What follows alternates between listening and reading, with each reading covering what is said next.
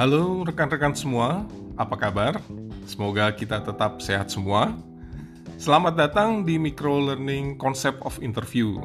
Micro, micro learning ini merupakan bagian dari modul makro interview skill sehingga rekan-rekan nantinya dapat mengikuti micro learning micro learning berikutnya untuk bisa memperoleh pengetahuan selengkapnya tentang bagaimana kita melakukan interview. Rekan-rekannya nantinya akan ditunjuk untuk menjadi interview diharapkan sekali untuk bisa mengikuti micro learning ini. Dan setelah mengikuti micro learning concept of interview selama sekitar 20 menit ke depan, rekan-rekan dapat memahami konsep interview yang meliputi pemahaman proses rekrutmen, apa itu metode kompetensi based interview, dan juga tentang kompetensi unggul yang kita gunakan sebagai dasar interview yang diselenggarakan oleh perusahaan. Pertama-tama, perkenalkan nama saya Suryo Sumirat. Saya dari Learning Strategy University masa kalau masa dinas saya sudah bekerja lebih dari 25 tahun di perusahaan kita. Kemudian saya sudah mendapat kompetensi based interview certification dari konsultan SHL sekitar tujuh tahun yang lalu dan langsung mendapat beberapa penugasan untuk melakukan interview calon pegawai baru. Cukup banyak juga penugasannya, baik di Jakarta maupun di luar Jakarta. Dan itu menyenangkan sekali ya untuk melakukan interview karena kita sering mendapat pengalaman atau hal-hal baru saat kita berkomunikasi dengan calon pegawai yang biasanya itu uh, dari generasi milenial ya atau yang baru lulus kuliah atau fresh graduate itu. Banyak cerita-cerita uh, yang sangat berkesan di situ.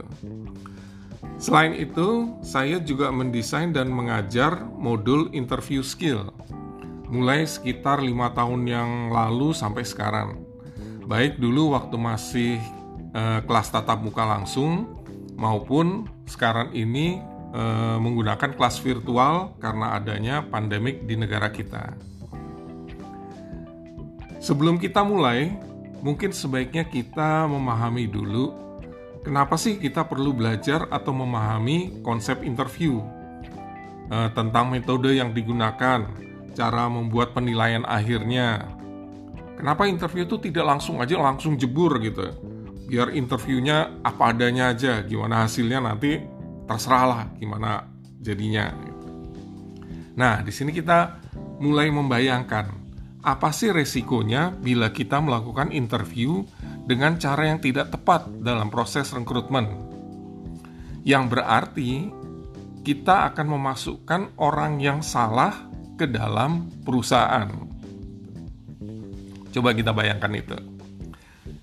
Jadi secara umum resiko apabila kita melakukan kesalahan dalam interview itu adalah mungkin pertama kita akan mendapat pegawai yang tidak sesuai dengan kompetensi yang dibutuhkan. Sehingga akibatnya dapat menurunkan kinerja perusahaan. Ya. Contoh, kita butuh sebetulnya kita butuh orang-orang yang menjadi marketing.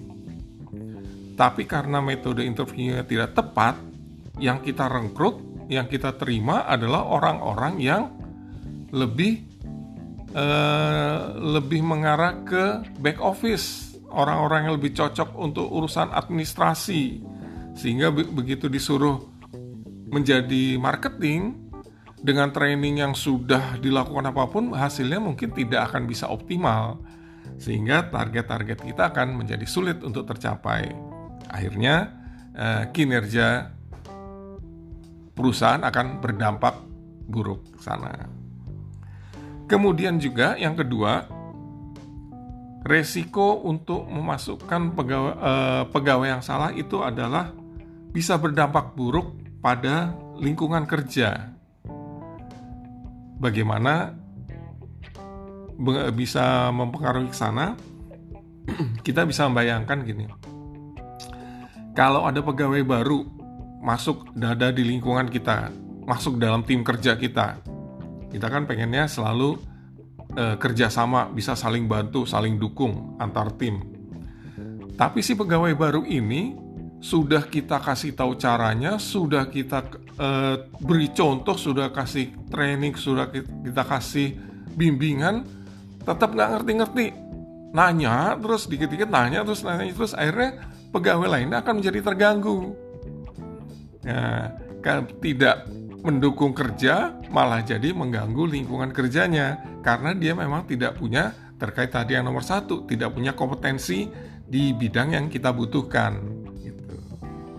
dan yang ketiga bisa jadi akan merusak image perusahaan branding company branding kita bisa jadi rusak gitu.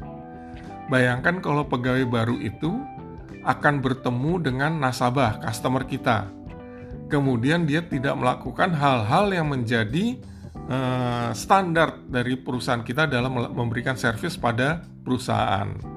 Akibatnya, customer atau nasabah kita bisa jadi akan kecewa dan mengatakan, "Loh, kok perusahaan kita seperti gini sih?" Gitu. Nah, itulah hal-hal yang bisa menimbulkan kerugian pada perusahaan apabila kita melakukan interview dengan cara yang tidak tepat.